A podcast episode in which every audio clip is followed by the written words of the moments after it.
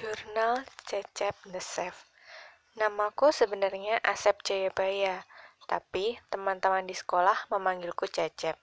Sebenarnya, embel-embel Chef di belakang namaku itu karena ulah tiga orang sahabatku. Dulu, dalam sebuah perjalanan pulang dari puncak, kami berempat terdampar di tengah-tengah kemacetan luar biasa. Saat itu, kami kehabisan uang karena Bayu lupa membawa dompet. Sementara itu, uang Tommy habis untuk membeli bensin mobil. Dan uang Adrian pun ludes untuk membayar satu kali makan siang terakhir kami. Akhirnya, ketika tiba saatnya uang yang tersisa di saku masing-masing dikumpulkan, kami terkejut luar biasa karena sisa dana cash yang ada hanya sebesar Rp15.000. Ada yang bisa menebak apa yang akhirnya menyelamatkan kami dari wabah kelaparan saat itu? Benar, kemampuanku memasak adalah jawabannya. Dengan uang yang tersisa, kami membeli bahan pangan seadanya dan memasak menggunakan kompor portable yang ada di mobil Tommy di sebuah tanah yang lapang ketika akhirnya kami bisa keluar dari kemacetan. Sejak hari itu, mereka memanggilku Cecef the Chef dengan penuh rasa hormat, bukan lagi sebagai bahan bercanda semata. Aku lahir dari keluarga sederhana. Rumahku memiliki pekarangan luas yang membuatnya teduh, yang kemudian menjadi base camp gengku. Sayangnya, kepergian ayah lima tahun yang lalu menjungkir balikan perekonomian keluarga kami. Aku harus membantu ibu bekerja keras demi masa depanku dan dua adik perempuanku, nah, Hana dan Sinta. Sahabat-sahabatku tak mengerti arti kerja keras seperti diriku. Mereka terlahir sebagai orang berkecukupan dan masih memiliki orang tua lengkap hingga saat ini. Mereka sering mencandaiku karena aku terbiasa berbelanja ke pasar dan membantu ibu memasak untuk warung mie ayamnya. Kebiasaan itu membuatku terbiasa untuk urusan dapur, bahkan menikmati saat-saat bereaksi, beraksi di sana. Menurut ibu, untuk ukuran seorang pelajar cowok kelas 9 sepertiku, aku terhitung cukup luas di dapur. Kemampuanku memasak setara dengan kepiawan, kepiawaian memasak Hana dan Sinta. Bedanya, Hana dan Sinta memiliki keahlian lain, yaitu membuat jenis aneka jenis kue. Aa, teman-teman Aa jadi datang? Hana berteriak memanggilku, sekaligus mengobrak-abrik lamunanku. Ayah sabaraha orang, tilu, opat sarang Aa lain? Hana menanyakan berapa orang temanku yang berencana datang ke rumah kami pagi ini. Ketika dia menebak akan ada empat cowok ganteng, termasuk aku, yang akan berkumpul di sini. Aku mengangguk cepat-cepat. Namun setelah ku ingat lagi, ternyata kali ini bukan cuma empat orang yang akan berkumpul.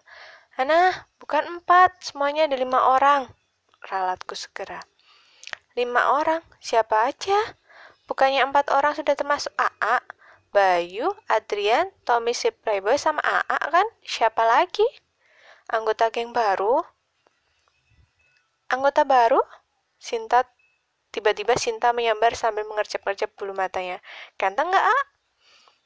Hana menyikut lengan Sinta. Aku menyeringai melihatnya. Aku sih maklum saja. Sinta masih kelas 7, baru jadi ABG. Masih peralihan dari masa kanak-kanak ke remaja. Jadi, wajar kalau masih antusias sama cowok. Sementara itu, Hana sudah kelas 10. Dunia cowok lebih dipahaminya, lengkap dengan segala kebandelan yang biasa para remaja cowok lakukan. Sinta, kamu itu masih kecil, jangan macem-macem deh sama yang namanya cowok. Kita cewek kudu mulai hati-hati dan jaga diri dari sepak terjang tingkah laku kaum lelaki. Hana memelototi Sinta. Sinta berpikir keras keningnya berkerut-kerut. Termasuk si AA cecep ya teh, gumam Sinta polos. Aku tergeliu melihat mereka berdua. Hana menepuk dahinya, lalu katanya, Susah ya ngomong sama anak kecil? Udah sana bantuin ibu nyiapin mie ayam buat teman-teman AA nanti. Khusus. Sepeninggal Sinta, Hana bersedekap sambil menatapku. Ganteng gak, A? Namanya siapa? Aku terbahak mendengar pertanyaannya. Moto aja atau moto banget? Nggak penting banget, sembut ar sembur adikku kesal. Oke lah, jadi semuanya lima porsi ya. Aa terusin ya punya. Hana mau bantuin ibu. Dengan langkah gagah, Hana meninggalkanku. Dia memang agak tomboy, bahkan sebelum ikut latihan taekwondo di sekolahnya. Biarpun cewek, Hana tak mau direpotkan dengan urusan yang berbau cewek, seperti dandan misalnya. Aku dan ketiga sahabatku memang sering berkumpul di rumahku yang teduh, karena dinaungi pohon jambu air, pohon mangga mana lagi, dan pohon belimbing. Tepat di bawah pohon belimbing, ada bangku panjang berbahan anyaman bambu hasil karya ayah. Kami berempat menambahkan atap kayu, sehingga menjadi seperti gazebo, seperti yang ada di taman belakang rumah Adrian. Beberapa meter di dekat pohon belimbing, sebatang pohon bambu air yang tua dan kokoh menyangga rumah pohon tempat teman-teman Hana dan Sinta berkumpul. Tommy Dylan, Salah seorang sahabatku yang jago merayu, sering kali menanyakan jadwal berkumpul teman-teman adikku. Hah, dasar playboy, pikirku. Pagi ini kami tak cuma kumpul berempat seperti biasanya. Ada Bimo, yang juga tetangga jauhku, ikut kumpul bersama kami. Bimo bersama ayahnya tinggal di rumah kontrakan Haji Muslih, sedangkan ibu dan adik perempuannya tinggal di desa bersama kakek neneknya.